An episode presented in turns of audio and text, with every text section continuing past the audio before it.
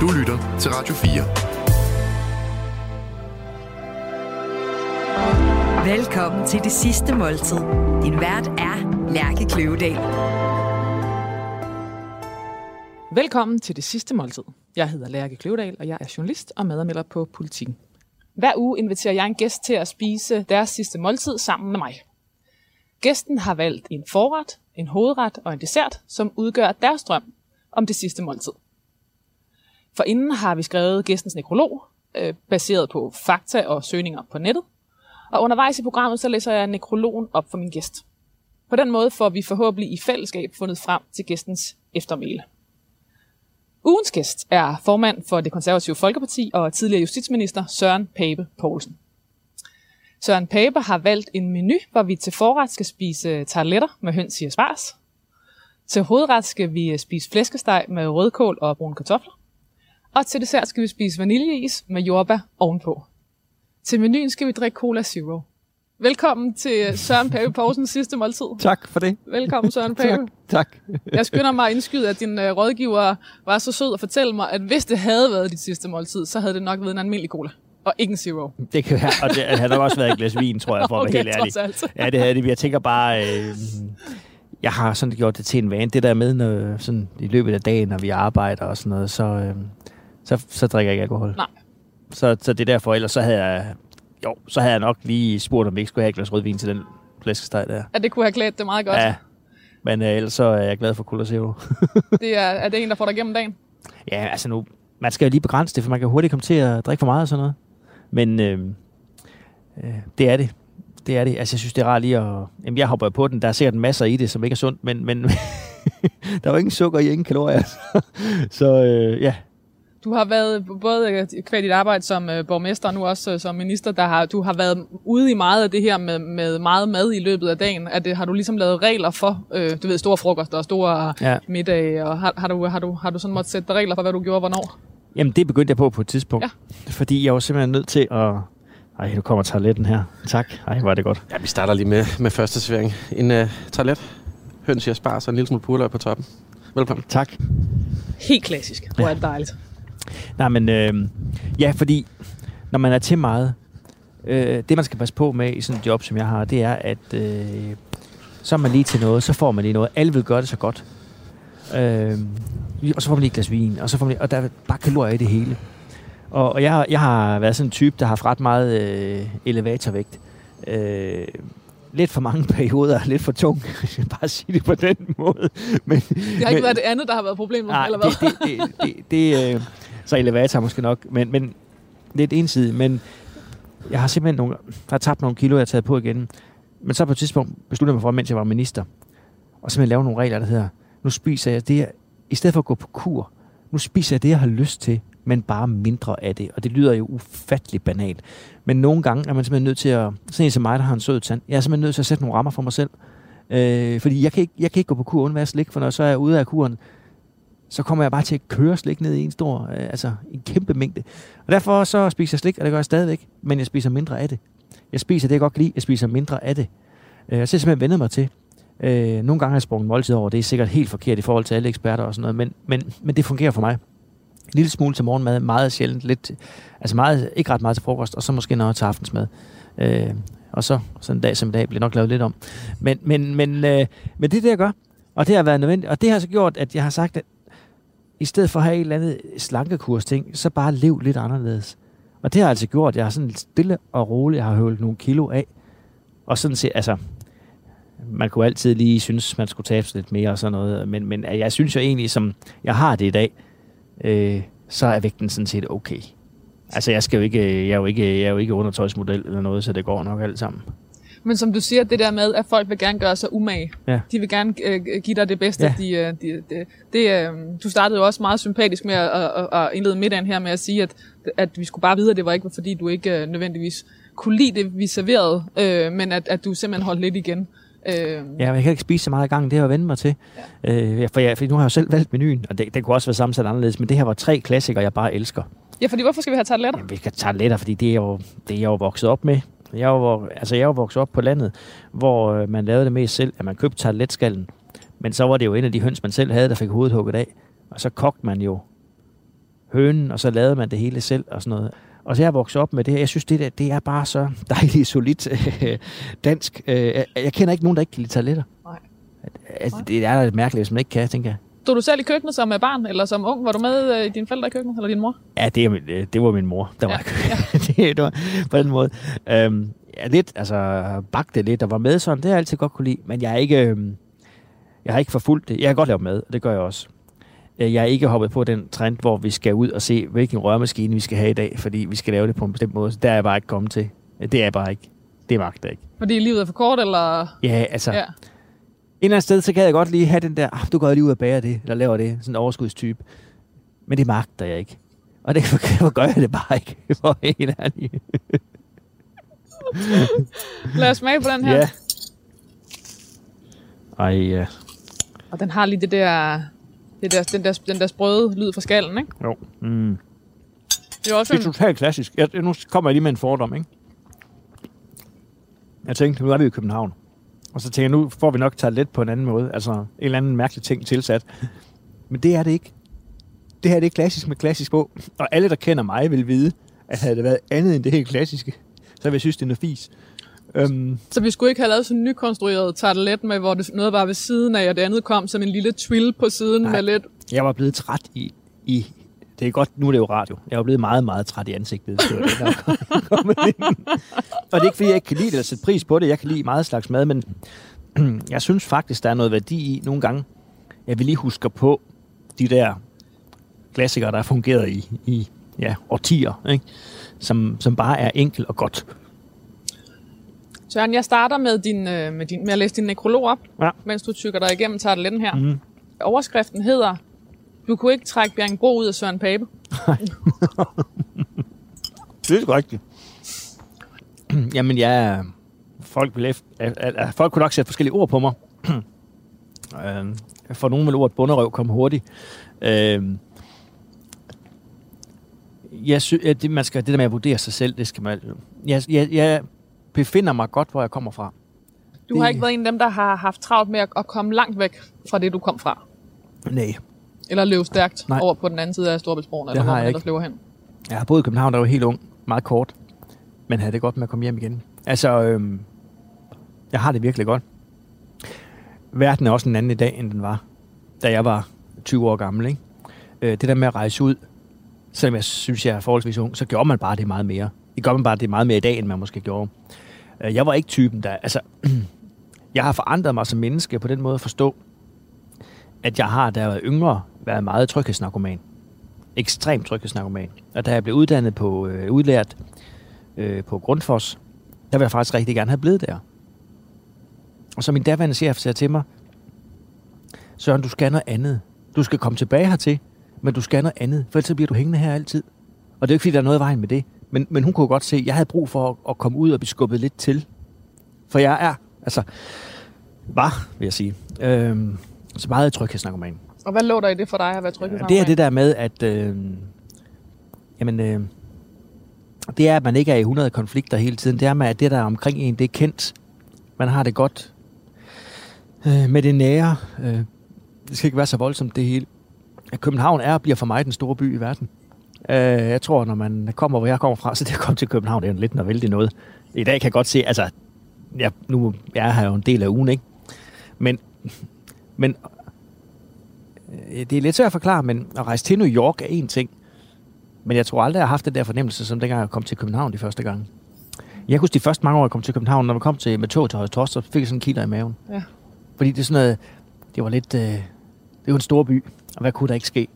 Øh, det er også lidt, det, det, det er ikke rationelt, det jeg siger her, men det, det var den fornemmelse. Og, og jeg havde det der meget, altså det trygge og det kendte. Det der med første gang, man sådan ser folk, der lever på gaden, så en hjemløs, øh, folk, der sådan, kom også i nogle, øh, jeg kan huske første gang, jeg kørte, det var fordi jeg kørte forkert, kom ud i et andet kvarter på Nørrebro, hvor der stod meget på, på øh, arabisk, og, og det var sådan helt anderledes, hvor jeg bare virkelig tænkte, wow, hvad sker der her? Altså, det er mange år siden, måske 20 år siden, ikke? I hvert fald. Øh, altså, det var bare det der, det der oplevelse af noget meget anderledes. Og gjorde det der nysgerrig, eller gjorde det der øh, forskrækket, eller hvordan det tidspunkt reagerede gjorde det mig forskrækket. Ja, Altså, det, det gjorde det, skal jeg være helt ærlig. Ja. Altså, øh, så jeg har... Øh, også fordi det at være politiker, det, det gør også, at, at, at det får man meget svært ved at holde til i længden, hvis man skal være tryghedsnarkoman. Og jeg har tvunget mig selv også til at gøre nogle ting sådan, i mit liv. Det der med, at man skal ud og prøve af og teste sig nogle gange, det tror jeg er sundt for os som mennesker, vi, øh, vi tvinger os selv til.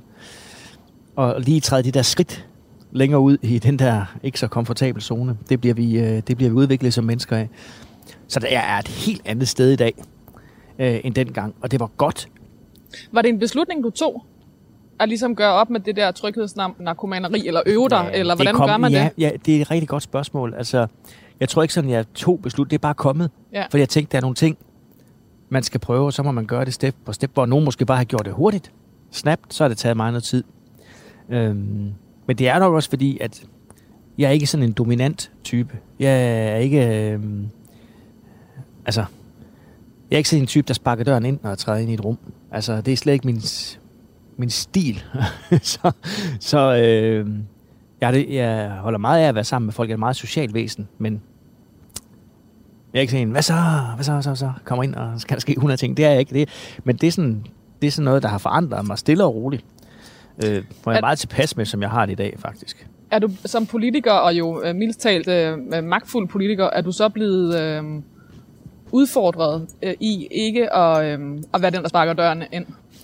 Jeg vil sige, det, det sværeste, eller det, det man i hvert fald skal for at kunne overleve det her, det er, at man skal kan skille det politiske og personlige ad. På den måde at forstå, for jeg vil påstå, at jeg er det samme menneske hele tiden. Men jeg har lært på den hårde måde allerede i kommunalpolitik, at når du har et øh, ansvar, så kan det godt ske, at folk bliver meget, meget sure på dig. Og der skal man kunne minde sig selv om, at det ikke er mig, det er ikke mennesket, Søren, de er sure på. De er sure på mig, fordi jeg har den politiske position, jeg har. Altså, da jeg lukkede nogle skoler, for eksempel, det, det var meget voldsomt. Det gik ikke stille af, og, og, og folk var meget, meget sure på mig, og nogle steder gik det helt over gevind.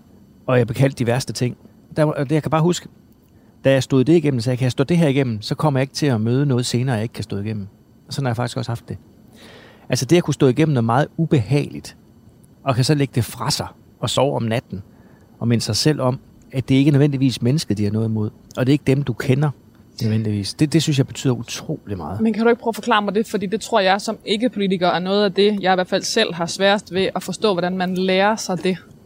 Altså det der med at kunne sige, det er ikke øh, øh, det, jeg går ud og siger på fjernsynet nu, eller den beslutning, jeg tager, øh, at den er ikke ensbetydende med, at det, at det er mig, folk ikke kan lide. Det, det, synes, jeg, det synes jeg virkelig er en interessant disciplin. Jamen, det, det, det, det er man simpelthen nødt til, hvis man skal holde til det her, vil jeg påstå. Ja. Altså, ellers så, kører man, ellers så kører man sig selv ned. Øh, Så det betyder jo ikke, vi er jo ikke maskiner. Altså, vi er jo mennesker som alle andre med kød og blod og følelser. Øh, Vi har så bare interesseret os for politik som en hobby, der nu lige er noget, vi laver lige nu, som er vores levevej, og, og, og en dag kan det være, at man laver noget andet. Altså, for mig er det vigtigt, dem, der er nær på en, de mennesker, man kender, at de stadigvæk er med en, altså bakker en op, eller sådan rent menneskeligt er der. Fordi der er jo, der er jo altså, hvis jeg skulle kigge på mine sociale medier, øh, så kunne jeg også ligge i fosterstilling hver anden dag, over hvilket dårligt menneske jeg er. Men, men hvis, hvis, hvis man tager det til sig, så får man bare et træls liv. Og der er man nødt til at sige til sig selv, det betyder noget, hvad folk, der er tæt på mig, mener. Det betyder ikke noget for mig, at en, jeg ikke kender, synes, jeg er en idiot. Det lever jeg med. Jeg laver politik ud fra de grundholdninger, jeg har, og jeg gør det så godt, jeg kan. Og det betyder så, at der er nogen, der synes, jeg er helt forfærdelig. Øh, jeg har aldrig forstået, hvorfor politik skal gøres til, at man så synes, folk altså skal hade folk. Altså, jeg har aldrig forstået det der. Øhm, jeg hader jo ikke folk, der har en anden politisk holdning end mig. Dem snakker jeg jo fint med. Når vi så diskuterer sagen, så kan vi diskutere voldsomt langt og længe, fordi vi bare er uenige. Jeg plejer altid at sige sådan, og det siger jeg, når jeg holder foredrag også, og sådan noget, at når jeg kigger på mine partiformandskolleger, der er jo ikke en af dem, der ikke vil det bedste for Danmark. Det vil vi alle sammen. Vi er så bare ikke helt enige om, hvad det bedste for Danmark er. Og det er vi jo ikke, fordi vi kommer med nogle forskellige bagage, vi kommer fra nogle forskellige steder fra. Øh, og, og, og det er forskellige, med, og, og det skal vi så håndtere. Men, men selvfølgelig har det været hårdt, og jeg synes også, det har været hårdt. Det, jeg vil bare lige sige, det hårdeste, det er, når det påvirker dem, der er tæt på dig. Altså, når min mor har ringet mig grædende op i telefonen, øh, og der engang skoledebatten kørte i, i Viborg Kommune om, og et par andre tilfælde, hvor hun synes, nu blev det så voldsomt og personligt, at det var svært som mor at være vidne til. Fordi, Fordi hun synes, det, var, det gik for hårdt på dig. Ja, fordi det, det var jo fyldt af det hver eneste dag Ja. i, i Og ja, og som du siger, det var øh, et lokalmiljø. Ja. Altså, det er jo en Ja, stor kommune, men altså stadigvæk, Ja. ikke? Altså, det, det er... Og, og det, jeg synes, jeg var faktisk var sværere at håndtere. Det er jo sværere, når du også skal have overskud til at håndtere dem tæt på, der er ked af det. Og man skal ikke have ondt af os, men, men man, man kan godt opføre sig ordentligt over for hinanden. Jeg tror, en måned eller to efter, hvor sådan helt i ramte mig en dag, og sagde, puha, jeg fik så næsten dårligt, hvor jeg kom til at tænke, hvad var det egentlig, jeg var igennem her? Det var virkelig, virkelig voldsomt. Og folk omkring mig, jeg tænker ikke så meget over, hvad det var. Altså, folk var meget, øh, øh, sådan, øh, at dem jeg kendte, sådan virkelig beskyttende over for mig. Og det tænkte jeg faktisk ikke så meget over dengang. Det var først bagefter. Fordi de, de oplevede det jo her nu, kunne sige, ej, hvor er det voldsomt, det han er igennem. Og nogen, der var også en, der sagde til mig, en kollega på den skole, jeg var på, der sagde, hvis jeg var dig, så ville jeg simpelthen tage min bil og køre ud til en mark, og så vil jeg bare stå og skrige der i et kvarter, indtil du, indtil du er færdig, fordi det må være så frustrerende. Det, du, og, du, og du kan jo ikke svare folk igen, som du bliver talt til. Det skal man ikke. Så det var, øh, øh, det var, jamen det var, øh, det var jo hårdt, men, men sådan, ja, ja lige for, jeg kommer nok til at sige nu, sådan er det. ja, Jeg fortsætter lidt med din nekrolog her så. Ja. Den tidligere justitsminister og formand for det konservative Folkeparti, Søren Pape Poulsen, er død. Som populær borgmester i Viborg blev han kendt for sin ligefremhed og evnen til at stå ved sig selv. Som vældigt justitsminister, øh, som strammer i straffesager, og som leder af de konservative ham, som endelig sikrede øh, partiet fremgang. Sådan kunne man skrive din nekrolog, hvis, hvis, hvis men det må jeg hvis sige var er, dit, øh, er en dejlig start. Det synes du er en dejlig. det synes jeg. Nå, men helt ærligt. Altså, nu, hvis jeg bare lige siger som sidebemærkning her, så bare, hvis du ikke ved det, så vil jeg bare sige, politikere, det er de mest forfængelige mennesker i hele verden. Så vi er på rette spor. Vi er på rette spor. Og det er vi, fordi jeg har jo ikke en vare. Altså, hvis jeg nu solgte sodavand, så er det produktet. Politikere, det er jo sig selv. Vi har jo ikke andre varer. Det er os selv, der er på spil hver dag. Det er os, du forhold, altså folk, altså, det er os, de stemmer på, eller ikke stemmer på. Ikke? Så, vi, så derfor, derfor bliver du meget forfængelig, og nogen kører den så længere uden andre. Men, men, men, men det er vi. Nu er jeg nødt til at sige en stor begejstring over, at vi skal have brune kartofler. Og jeg ved godt, nogen vil sige, at flæskesteg på den her tid af året, så skal man have grøntsager til og sådan noget ikke også. Men Ja, men det er jo også grøntsager. Det er det jo. det er det. Ja, flæskesteg, brune kartofler, rødkål og brun sovs. Tak, velkommen. Ah, men altså. Nu er jeg nødt til at sige noget, fordi det her det er fuldstændig uden for kontekst, men brune kartofler, det, det er ikke bare brune kartofler. Må jeg høre? Der er for mange, der har en tendens til, at de kartofler, de bare bliver smidt ned i den sukkerlage og vent lidt, og så taget af igen. Det burde der være straf for. Fordi brune kartofler, det fortjener den kærlighed, at man kommer godt med smør. Nej, først sukker på panden selvfølgelig. Godt med smør ned i det, når den er ved at smelte. Og så kommer kartoflerne ned. Man lige har skyllet under vandhanen inden, så det hænger bedre fast. Og så skal man så skrue ned, og så skal det bare stå og simre lige stille. Vend kartoflerne til alt det, der ligger i panden. Det er suget ind i kartoflen. Det her foredrag har jeg holdt mange gange, også for tidligere elever i skolen. Fordi det er vigtigt. og det bliver så godt. Du siger, at, at det her med forfængeligheden er et, øh, er et kendetegn for, for at være politiker. Mm. Øhm, kan, er der ligesom... Øh, kan man ligesom på tværs af partier, er, er, der, nogle, øh, er der nogle karakteristika, man, man kan sige om at være politiker? folk, der går ind i politik, for de flestes vedkommende, det er jo, hvor det, man brænder for, viljen og engagementet, er større end lysten til at tjene penge. Så ved jeg godt, der kan være mange holdninger til, hvad har politikerne, hvad får vi af løn og sådan noget. Men altså, så kigger på de ansvar, vi har, og det, og det vi har, så, øh, så vil folk... Altså, jeg har efter det her valg, er der nogen i, i min folketingsgruppe, som førhen har været selvstændige. Folk, der har drevet erhvervsvirksomhed i mange, mange år, som virkelig tænkte, det kunne være, altså, har lyst til at brænde for at komme ind og, ind og, og som det også de siger, det er vildt, hvad de har gået ned i løn.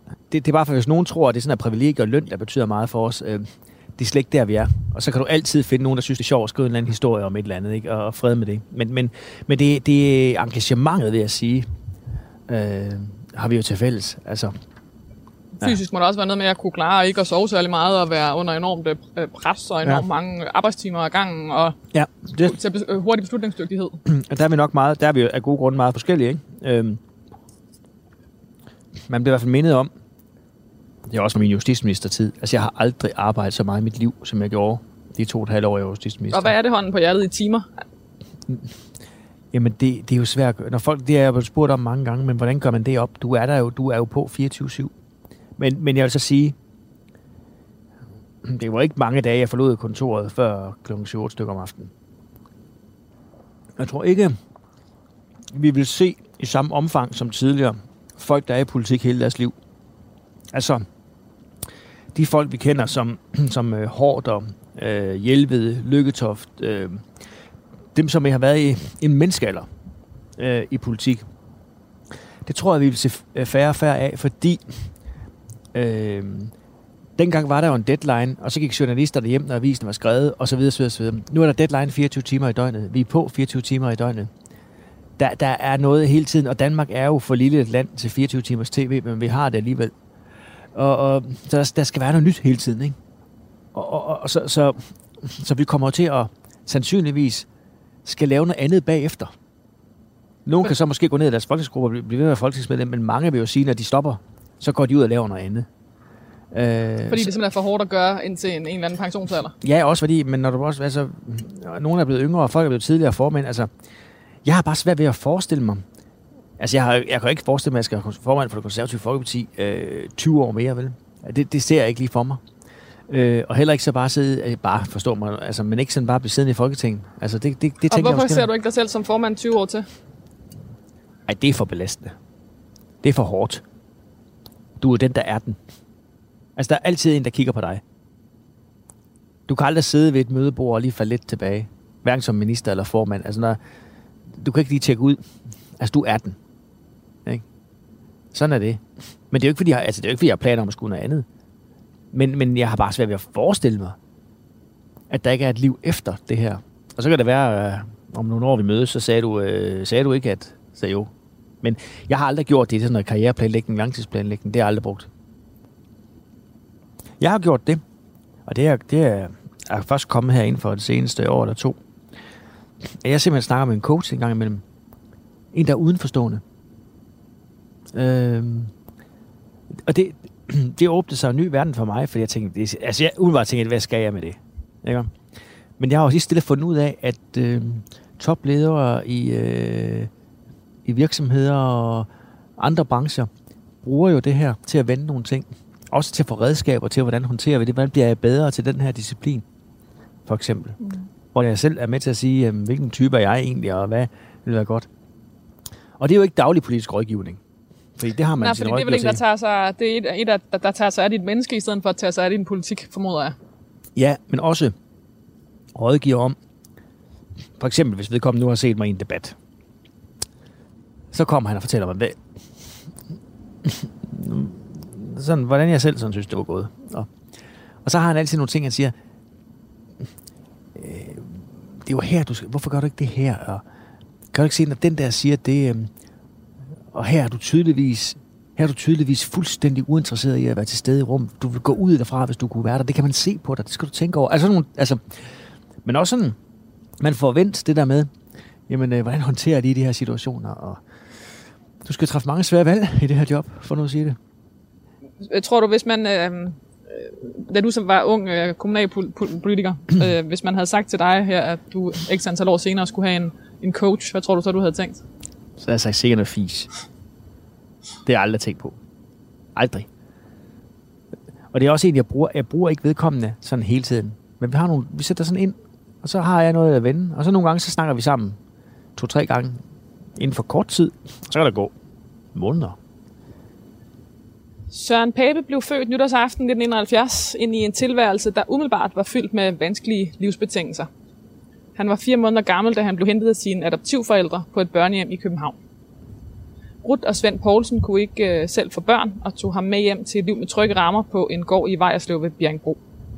Her voksede han op som enebarn hos en far, der var landmand, og en mor, som passede de gamle på det lokale hvilehjem. Søren Pape Poulsen mødte senere i livet sin biologiske mor og sine to halvbrødre, men bevarede ikke kontakten. At du har været et adoptivbarn har ikke været en, øh, har været en historie, du har været øh, åbenmundet med, øh, lige så længe du har været i politik. Ja, for jeg mener ikke, at det er noget, man skal hemmeligholde. Eller jeg synes ikke, det er ikke noget, man skal gøre til noget, som er noget særligt. Øh, fordi jeg har vidst det siden, jeg ikke kan huske, hvornår jeg har vidst det. Mine forældre valgte at fortælle mig det. Altså, det skulle være en naturlig del at vokse op. Jeg tænker, det mest forfærdelige må være, når dine forældre dør, og i deres papirer finder ud af, at, at, du har været, øh, at du er blevet adopteret, så er det jo et problem lige pludselig. Fordi hvad tror du, det gør ved en? Jamen, så har man tusind spørgsmål. Øh, og skuffelser vel også over, hvorfor man ikke... Altså, det, det, de rejser så mange spørgsmål, man ikke kan få svar på. Min øh, mor har jeg fået at vide, for jeg kan ikke huske det. Men jeg sad på skødet af hende, og så kan jeg ikke huske... Jeg, kan, jeg var meget lille. Af gode grunde. Øh, så sad jeg sådan og prikkede på hendes mave, og så sagde jeg med, at det har jeg ligget en gang. Og sådan noget. Så nej, det, havde, nej, det har du ikke. Øh, og så fortalte jeg, sikkert, fordi øh, det er svært lige at fortælle sig lille barn. Nej, men der var en, Nej, det, har, det var en gammel dame, der ikke kunne passe dig. Så har, så har vi været så heldige, at vi kunne få lov at få dig og sådan noget, ikke? Altså, det var sådan en historie, jeg fik. Ja. Jeg har altid vidst det. Og da jeg så her i mit voksne liv, mine forældre fik jo et brev fra den yngste af mine brødre, om at de ledte efter mig. Men man må ikke udlevere mit navn til ham. Men mine forældre må jo sige ja til, at det bliver udleveret. Og der, var jeg, der blev jeg jo inviteret hjem til dem, og de fortalte mig så. Eller, at de sagde så, at øh, jeg sagde, at vi snakkede om det. Og, og, og jeg vil bare sige, jeg tror, at det jeg kan sige på alle adoptivbørns vegne, det er, at man har en utrolig øh, kraft inden i sig, der gerne vil vide, hvor man kommer fra. Rent biologisk. Det har ikke noget med kærlighed til sine forældre at gøre. Det er, det er den der nysgerrighed, hvad man rundet af. Hvor kommer man fra? Biologisk. Og det fandt jeg så ud af, at jeg mødte som min yngste lillebror der, og øh, har mødt alle vi ser ikke se hinanden længere. Det er ikke sådan, der er ikke er afskåret nogen kontakt mellem hinanden. Altså, der er ikke noget. Men, men, men det er jo nogen, ja, det er jo folk, jeg har lært at kende som voksne. Øh, så, så på den måde øh, ses vi ikke så Men altså, det er faktisk ikke så længe siden, jeg snakkede med en af dem. Så det er ikke som, vi ikke taler sammen. Der er ikke noget der.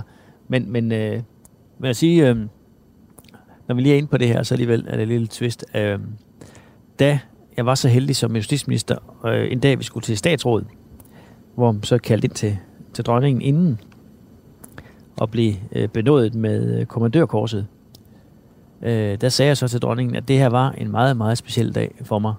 For det var den selv samme dronning, der underskrev adoptionspapirerne i øh, 72 i april. Der var hun jo blevet dronning. Så hun har underskrevet adoptionspapirerne i 72. Det er selv samme dronning, der så øh, ja, 48 år senere øh, benåede mig næsten, eller 47 år senere, benåede mig med kommandørkorset. Det var en, det var, det var en stærk oplevelse for mig.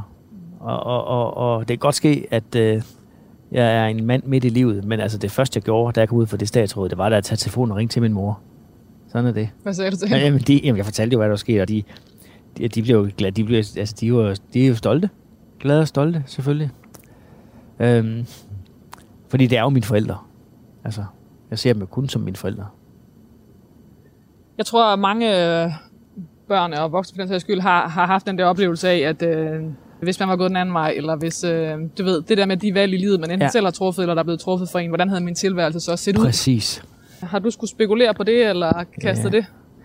Jeg, jeg ved, altså, det er jo bare sådan, at altså, nogle gange det kan man betænke med det, og man kan jo tænke, jeg, bare lige, jeg kan næsten, man kan blive helt skør at tænke tilbage på, hvis jeg nu har sagt ja til det dengang, og nej til det, og jeg igennem sit liv, altså livet har mange veje, og det er jo det fantastiske, at vi heldigvis ikke på forhånd ved, hvorfor en vi skal betræde.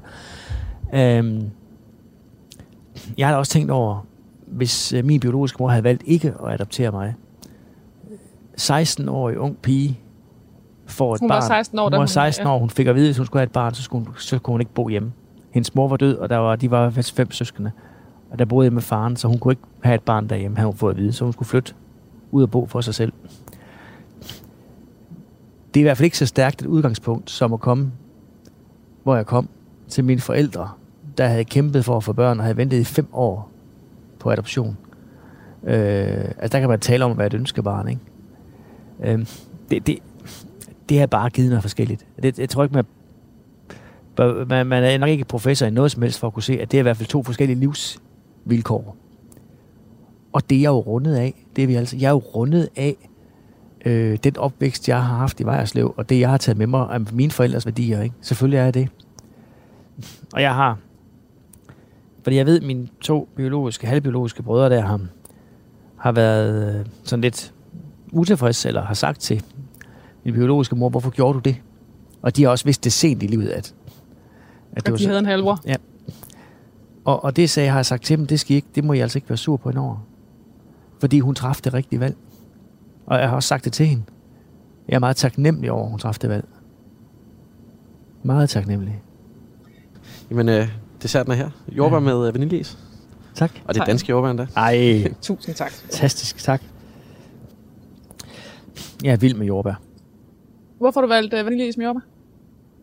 Det er bare en klassiker, dansk ret. Altså, nu er det her også fint i en lille skål og sådan noget. Altså, Er det lige fint nok til dig, det Nej, her? det er ikke fint, men det er bare... Øh, skulle jeg lave det derhjemme, ikke? Så har der været en, øh, så har der været en øh, dyb tallerken. Så har der været en to-tre skiver is. Det kunne have været noget rigtig godt vaniljeis. Det kunne også have været noget, der bare lige er tre skiver af. Det er da ikke ret dyrt. Og så har jeg ellers bare øh, stået og pillet og skåret en masse jordbær over og fyret oveni. Jeg vil jo også sige, at din bestilling jo faktisk gik på vaniljeis med jordbær ovenpå. Mm. Og her er den jo faktisk omvendt. Så vi må, Jeg øh, lever med det. Men, men øh, det, det, er, det er da dejligt. Hvem, Det kan er- ikke, hvem kan ikke lide det? Da jeg var barn, vi har for så altid haft masser af grøntsager og frugter selv. Når man så begynder at to, tre, fire jordbærrækker, begyndte at være jordbær, så tit om, om morgenen, så løb jeg ud, og så plukkede jeg nogle få jordbær, skyllede dem, og så kom jeg dem på rugbrødsmad. Så det var det, jeg fik til Rugbrød morgenmad. med jordbær. Ja, det er fantastisk. Den var ny. Den kender jeg ikke. Ja, alt med jordbær. Altså, det er også lidt det. Nu er det danske jordbær, og det er jo det, vi skal huske. Altså, vi skal helst... Det er lidt uden for sæson, ikke? Nu har det så for her, for ellers så er det jo... Det der med, at man skal have en masse jordbær i december, det er jo noget rod. Det, det, øh, Det kan være det samme. Ja. Ja. ja. De bedste jordbær, det er nu dem, der har stået på markerne i kongeriget her og er blevet modne af solen. Jeg har også som fritidsjob om sommeren plukket mange jordbær. Men det er du stoppet med nu. Det, jeg, jeg, jeg, jeg tjener lige til huslejen, så jeg prøver ikke at, at plukke jordbær om sommeren. Jeg har meget respekt for dem. Jeg vil bare sige, når man har prøvet det, så får man meget respekt for dem, der gør det. Så fedt er det heller ikke at stå med røven i land og plukke jordbær eller sidde på knæene. Og, og nu ved jeg ikke, hvad man tjener i dag, men jeg kan huske, vi fik to kroner bakken, vi plukkede. Der skal alligevel plukkes nogle bakker. Og ved du hvad, den første sæson, jeg havde plukket jordbær, jeg brugte de fleste af de penge, jeg har tjent på at købe, er nu køb øh, dansk, tysk, tysk, dansk øh, ordbøger til folkeskolen. Det skulle man jo selv anskaffe sig på det tidspunkt. Det var da ikke meget sjovt ved. Ej, tænk tilbage, så skulle jeg da have haft en losing. Altså helt ærligt, hvad sker der? Men, det, men, men det, det råd var... ville du have givet, øh, hvis, øh, givet den unge Søren Pape, at, det, at du skulle have brugt det til noget sjov. Stop det da. Jeg ved ikke, ja, det var meget artigt i hvert fald. Men, men, øhm, men der var en tilfredshed i, det, altså, det er en tilfredshed i at have tjent sine egne penge selv. Altså, det går jeg meget op i. Og, og det er derfor, at nogen bliver meget sure på mig nogle gange, fordi ja, jeg synes ikke, der skal meget til, før, det, før, før fællesskabet udskriver en check i det her samfund. Og øh, Hvad ligger der i det? yeah. at vi har det godt, skal vi ikke bare sige det? Vi har det godt. Altså, vi har, vi har det virkelig godt. Altså, du kan, jo, du kan jo lade være med at arbejde i det her samfund, og så leve rigtig fint. Det er da fantastisk. Jeg synes, det er forkert, men det er da fantastisk. Vi har det bare super godt. Som, som ung blev Søren Pape uddannet i shippingafdelingen på det, på det lokale Grundfos i Bjerringbro. En uddannelse, som førte, ham, som førte ham videre til job i Aarhus og Billund Lufthavn. Den tidligere justitsminister og formand for de konservative havde også over 10 års erfaring som skolelærer, og når han gik ind i debatten om den åndelige fattigdom i Danmark, øh, fandt han svaret fra sin tid i folkeskolen. Mm. Du skiftede uddannelse undervejs. Hvad var det, der gjorde, at du ikke havde lyst til at fortsætte i shipping, men havde lyst til at blive Jamen, skolelærer? jeg har... Det, det, mit problem er, at virkeligheden den er meget mere bøvlet og kompliceret end det, du læser op der. Derfor synes jeg, jeg har egentlig ikke lyst til at forstyrre dig i det der, fordi jeg har... Det er rigtigt, at jeg kom i lære hos Grundfos. Jeg gik på handelsskole tre år, så kom jeg i lære hos Grundfos. Det var jeg to år. Og så var det så, at min chef sagde, at jeg ville have godt af at prøve noget andet. Øhm, og så var jeg et år herover konservativ ungdoms øh, hovedkontor for at prøve det, hvor jeg var sekretær. Og hvorfor de konservative? Jamen, øh, jeg er vokset op i Slytters Danmark. Jeg er vokset op med de værdier hjemme fra mine forældre. Mange vil sige, at det klassiske spørgsmål, jeg altid får, det er, hvorfor ikke er venstremand?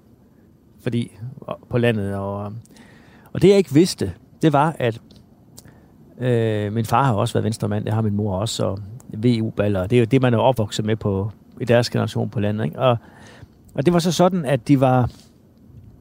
Øh, der skete det, at, at min far fortalte, at han i 1979 stoppede med at stemme Venstre og begyndte at stemme konservativ. Det var da, der var Henning Grobe i Viborgkrisen. Det var en øh, ung dyrlæge dengang. Og han synes, at Venstre havde ham den gamle Anders Andersen, økonomiminister. Det var, synes han, det var han træt af. Så der skiftede han faktisk. Det har jeg aldrig vidst. Jo, det har jeg så nu, men altså, det er jo ikke sådan noget... Ja, min mor har været medlem af Venstre og har siddet i noget bestyrelse. Og der Anders Fogh Rasmussen var folketingskandidat i Kjellopkredsen i Viborg Amt. Der var min mor også med i noget bestyrelsesarbejde. Hun, jeg husker, hun sagde, at han bliver statsminister en dag. Og det er ret godt set, viste det sig så at være. øhm, men jeg var, øh, altså, altså jeg, det var faktisk Erhard Jacobsen, der tændte mit politiske øh, interesse. Se den gamle CD-stifter. Og ikke fordi jeg, der var jeg 12-13 år gammel, så jeg kan ikke redegøre for, hvad han sagde, men han brændte igennem. Han brændte for det, han gjorde. Det kunne man bare mærke ud på den side af skærmen. Det, væk, det vagte min politiske interesse. Og så er jeg med tiden begyndt sådan at læse mere og sætte mig mere ind i det.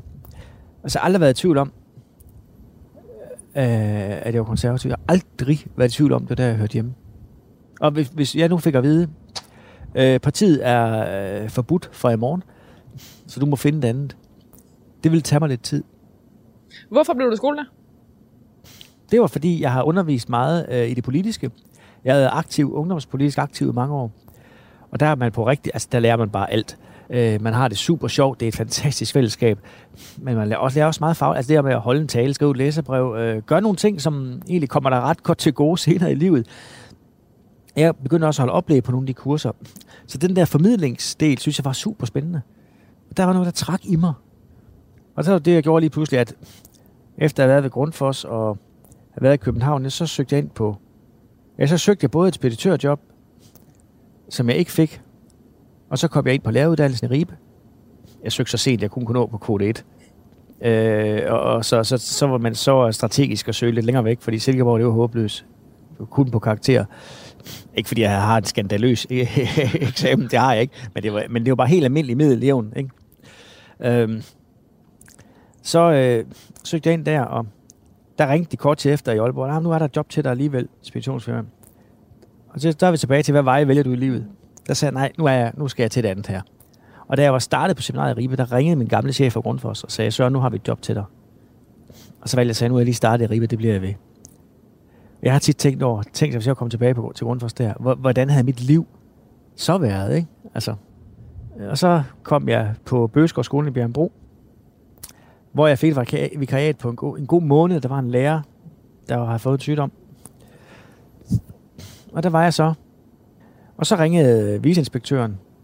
Jeg har et par omgange været på Bøgeskovsskole skole i Bjergbro. Så ringede viceinspektøren og sagde, vi mangler en øh, klasselærer, en dansk lærer, efter sommerferien for en 7. klasse. Så der begyndte jeg, og mens jeg så begyndte der, og tak fordi de gav mig den chance, for jeg havde ikke min læreruddannelse. Øh, mens jeg begyndte der, så begyndte jeg så at læse om aftenen i Aarhus. Øh, dansk på linje, og jeg så gjorde færdig derudfra. Ja, øh, jamen så øh, bliver jeg skolelærer og har elsket det. Øhm, og blev så også ungdomsskoleleder, men også med noget uddannelse, eller også med noget undervisning tilknyttet. Altså, det er givende at have med unge mennesker at gøre. Og, og, og øh, jeg, jeg kan huske alle de elever, jeg har haft. Er det sådan? Ja, men, men, men, men, men nogle af dem husker man selvfølgelig tydeligere end andre, og hvad, hvad situation har du haft dem i, og, og sådan noget, ikke? Men jeg kan, jeg kan tydeligt huske dem. Nogle for det gode, nogle for det mindre gode. Ja, men de fleste nu får det gode, vil jeg godt lige have lov at sige. Søren Pape blev i 2010 valgt som borgmester i Viborg, øh, der før da i en lang årrække havde været erklæret socialdemokratisk. Borgmestertiden i Viborg stod som en vigtig periode i Søren Papes liv. Det var en periode, han var stolt af. Ja, det er korrekt. Jeg elsker at være borgmester. Jeg har aldrig troet, jeg skulle derfra. Jo, altså. Ja. Det var ikke først, eller hvad? Ja. Nej, nej, nej, men jeg husker, jeg har sagt, at og en folk, jeg snakker med, siger, jeg skal i hvert fald ikke ind i landspolitik. Og øh, hvis jeg skal det nogensinde, på at stille op sådan, altså seriøst, til Folketinget, så vil jeg se, om jeg ikke kunne få, kan man aldrig være sikker på, tre, tre borgmesterperioder først. Og så se. Men jeg er jo den type, der nogle gange springer ud i ting, og så tænker jeg over bagefter. Det var en stor opmærksomhed, da Søren Pape som nyudnævnt partiformand i 2014 fortalte, at han var homoseksuel. For det parti, han nu stod i spidsen for, var på det tidspunkt stærkt, stærkt splittet omkring homoseksuelles rettigheder. det var ligesom en del af din, øh, din ankomst som øh, konservativ formand, og, og sidenhen som øh, folketingsmedlem, at ja. du nu også skulle ud og fortælle om øh, noget så privat som seksualitet. Ja. Hvordan havde du det med det? Det synes jeg ikke var sjovt. Altså, det skulle jeg lige igennem. Og det er jo ikke, fordi jeg er flov over den, jeg er. Det er fordi, jeg synes, det er et stort skridt, at hele Danmark skulle involveres i det, og det var et stort skridt, at alle skulle sidde og følge med. Altså, folk elsker jo at høre om sådan noget her i bund og grund, ikke? Altså, fordi det er igen mennesket, man gerne vil høre om, ikke? Men jeg fik... Altså, Var det en af de... Kunne du mærke, det kom for nært der i forhold til, hvem, hvem jeg du synes var som alligevel, det politiker, var, det hvem var, du var det var som menneske? voldsomt, fordi jeg kom, det var også lige starten af alting. Altså, jeg var, det var, ikke, jeg var knap en uge, jeg havde været, før det begyndte. at- Altså, det kørte bare. Og vi fik så en henvendelse i vores presseafdeling om, at, øh, at det vidste de det her, og hvis jeg ikke selv gik ud og sagde det, så skrev de historien alligevel. Og så var det, vi snakkede om det. du set det komme? Jeg har nok ikke erkendt det. Hvis jeg havde tænkt mig om, havde jeg selvfølgelig fundet ud af, at selvfølgelig kommer det. Men det er jo ikke noget, jeg har sådan været åben med. Der havde også, du haft der var øh, også kære, mange, øh, kærester i Viborg og Nej. havde det på Nej, det havde Nej. ikke... Nej. jeg, altså, altså, jeg har i en periode taget rigtig meget, sådan, øh, også i min borgmestertid, så hvis jeg tog i byen og sådan noget, så, så tog jeg jo herover. For at holde det lidt adskilt fra det. Ja, Øh, også bare fordi homomiljøet i Bjergbro og omegn, det er til at overse, også i Viborg. Altså, det, det er bare at sige. Altså, det, det, det er det. Øh, der, der er jo... Øh, altså, der er, jo, der er jo homoseksuelle alle steder. Men det er måske øh, lidt, kommer måske lidt nemmere til erkendelsen her. Øh, I København? Ja, end øh, det måske gør. Og det, det, og det er det der med, hvad du har vokset op med, hvad hører du?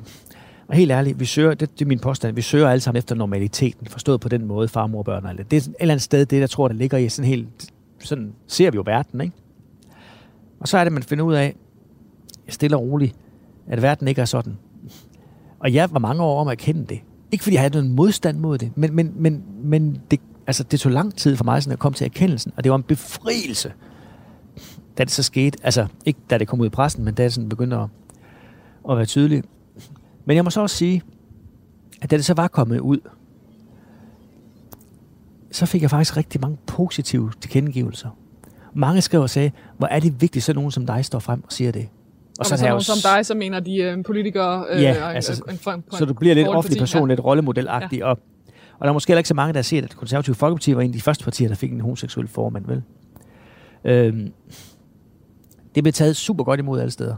Altså, det, jeg har virkelig haft mest positivt ud af det. Så er der selvfølgelig også nogen, som stadigvæk den dag i dag, hvis, hvis de bliver sur på mig i en debat, så afsluttes det tit med, at et eller andet øh, nedværdende kommentar om seksualitet og sådan noget. Og det. Det oplever du stadig. Ja, ja, ja. Og, øh, det foregår der meget under overfladen i det her land, mere end folk tror, tror jeg. Øhm, og også derfor hadforbrydelser. Jeg har sat noget i gang som minister, øh, som jeg ved, den nuværende har fortsat, fordi, fordi vi kan se det i stigning. Altså, der er simpelthen nogle mennesker, der er så dårligt begavet i det her land, at de mener, at man skal håne for ned og, være voldelig over for folk, der, har en anden, der, der ikke er, er heteroseksuelle. Og der kan jeg mærke, det er sådan en dagsorden, der har tændt mig noget mere, for jeg bliver så provokeret af det. Altså, jeg bliver helt vildt provokeret af det. Hvad bilder folk sig ind? Øh, og det, men det måtte jeg så... Øh, Og man kan også sige, at din seksualitet har været førstehånds øh, vidne til, hvad der sker, som for mange andre er jo noget, man måske læser i en rapport eller hører fra nogle andre. Præcis.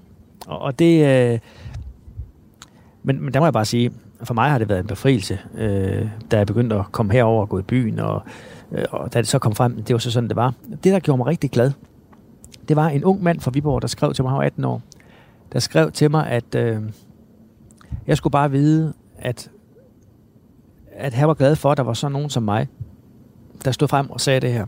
Fordi han gik også selv med nogle tanker, og han vidste ikke det ene eller andet, og tredje og så videre. Så skrev jeg til ham, ved du hvad?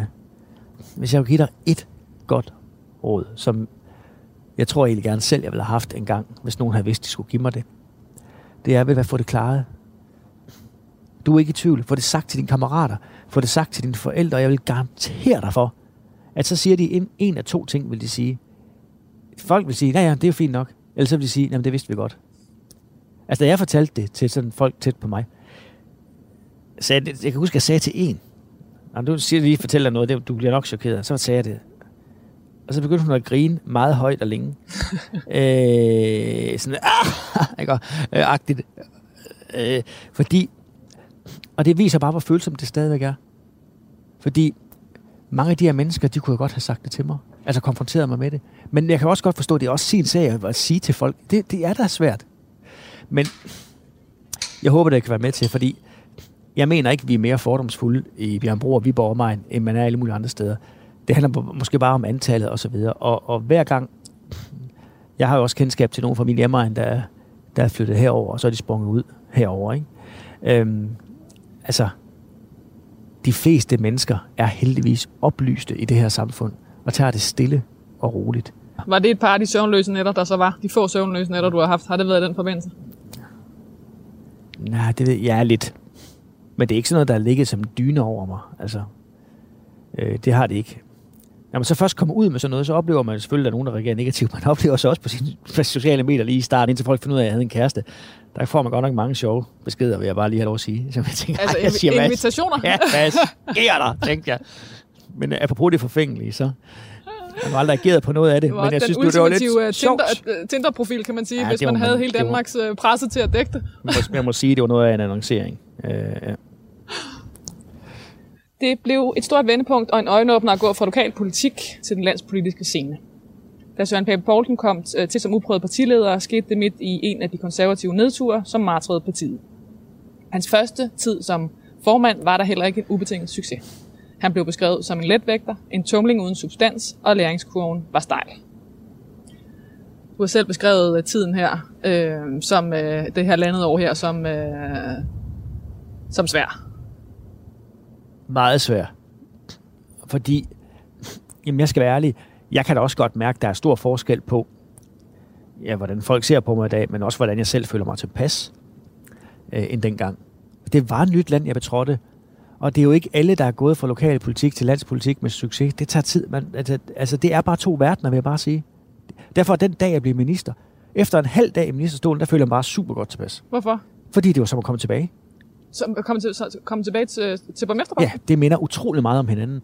Forskel, altså selvfølgelig er der nogle, altså medierne er en anden landspolitisk selvfølgelig, men, men i arbejdsformen, som borgmester, der har du en kommunaldirektør, du sidder for bord inde i forhandlingerne. Som justitsminister har du en departementchef. Du laver dine forlig over ved dig. Øh, du sidder, hvor, altså, du sidder hvor, der, altså, hvor du kan, kan gøre en forskel for alvor, ikke? Jeg føler mig så godt tilpas i det. Selvom jeg har knoklet som en hest, og der har været masser af bøvl, men jeg har kunne lide det. Øhm, så det, det, er jeg virkelig godt tilpas i. Og jeg tror det der med, når du, når du er øh, når du er i det, så er det super. Og så bare sige en ting.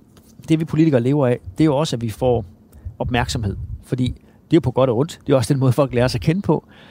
Som minister har du en helt anden adgang til opmærksomhed, end du har som... Jeg kan jo godt mærke nu, at selvom jeg er partiformand, så er jeg ikke minister længere.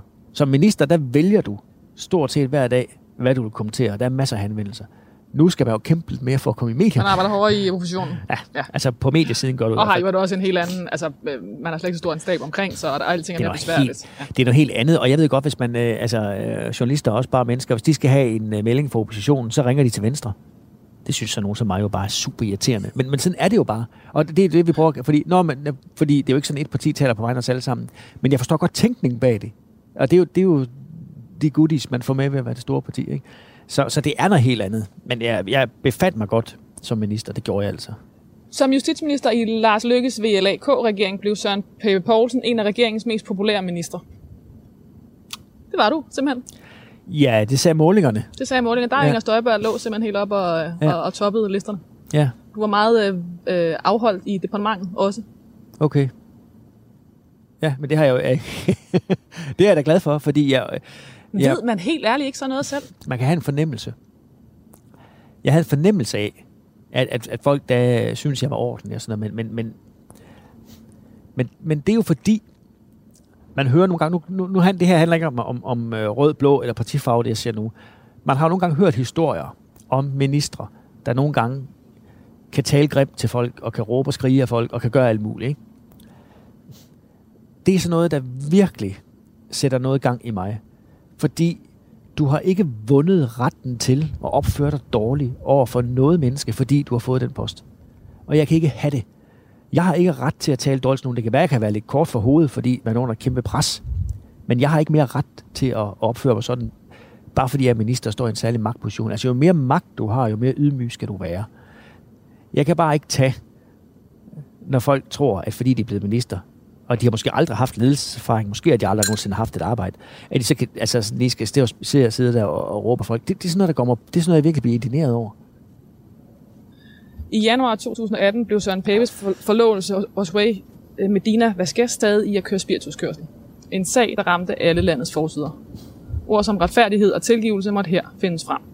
Søren Pape Poulsen var nemlig ikke kun konservativ politiker, men også et troende menneske.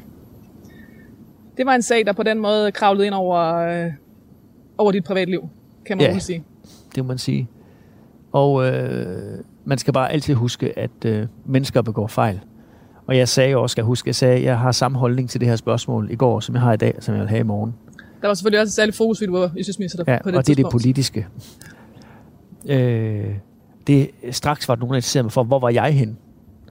Men jeg var altså i København, og han var øh, i Viborg, og jeg anede det jo ikke. Og jeg var, ja, altså, han blev så ked af det og knust, og det samme gjorde jeg jo, altså på det personlige plan.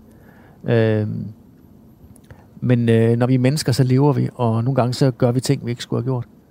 Øh, og, og, og altså, det har jeg jo parkeret for længe siden, det der. Altså, det, det er parkeret. Det må være meget voldsomt, når man oplever en uh, privat, nu er det måske for meget kaldt en tragedie, fordi så vidt jeg ved, så skete der ikke noget Nej. med nogen. Nej. Men at du har et helt pressekorps, der ligesom både hjælper dig med at lave en strategi, øh, og derefter et helt øh, en, en hyldende øh, kor af Ja. journalister, som, øh, som er interesseret i det. For journalisterne vidste det jo før alle andre. Altså, det viser også bare, at der findes folk i nogle systemer, som har en tavshedspligt, de ikke holder. Men ringer til journalisterne og fortæller. Og Forskrækket det, der? Øh, nej, for det vidste jeg jo godt. Det var sådan, det var. Øh, men jeg er ikke imponeret over det. Øh, og det er lige meget, om det handler om mig eller andre. Fordi det handler om vores retssikkerhed. Altså, folk skal have den straf, de skal have. Øh, hverken mere eller mindre.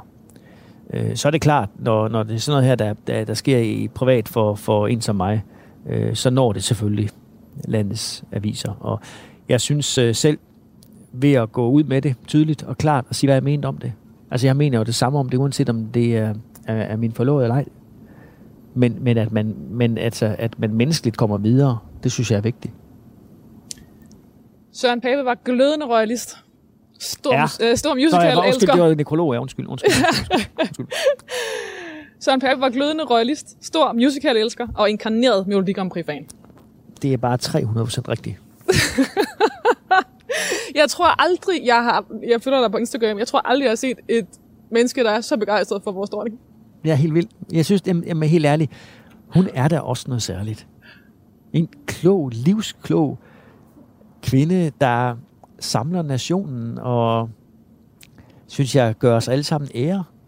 Jeg er meget, meget begejstret for kongehus. Øh, Og som jo også, som du selv fortalte, har spillet ind i dit liv på Ja, ja, to øh, det må man meget sige. forskellige tidspunkter. Og jeg kan huske, nu har jeg jo været så heldig, at dronningen har været på besøg også i Viborg, jeg var borgmester. Hun havde en udstilling af sine egne værker på Skovgård Museet, øh, blandt andet, og hun øh, kom til Bjergbro til 150 års jubilæet, øh, hvor vi havde et arrangement der.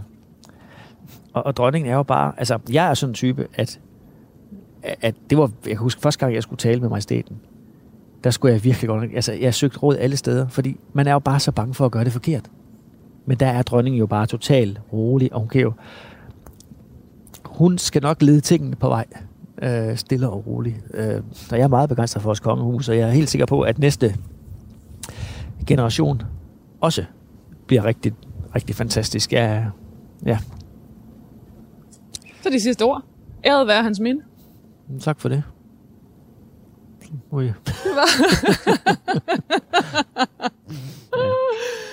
Sådan var ordene. Søren Ja. ja. Pape Poulsen. Ja, det var da nogle fine ord. Er der, øh, hvad skal der stå på din gravsten? Det er da et godt spørgsmål. Ja. Ja, det ved jeg ikke. Jeg gjorde så godt, jeg kunne. Nej, jeg ved, ja, det ved jeg ikke. Det har jeg faktisk aldrig tænkt. Jeg tror ikke, der skal stå noget. Hva- Hvad betyder det? At du, at, at du ikke skal have en gravsten? Jo, jo, jo, men Der skal der, bare stå, jeg tror øh, ikke, der skal, der skal ikke stå sådan et, et, et hyldesværst. Eller fortælle noget, tænker jeg. Det har jeg faktisk aldrig nogensinde tænkt over. Det er faktisk nogle gange måske meget godt lige at tage de tanker der. Ja, Ellers bliver der i hvert fald nogle andre, der tager beslutningen for dig. det er jo det. Nogle gange skal vi faktisk huske at fortælle, hvad der skal, hvad der skal ske med en, når man ikke er her længere. Hvordan det skal foregå. Men når man har min alder, så tænker man ikke over det.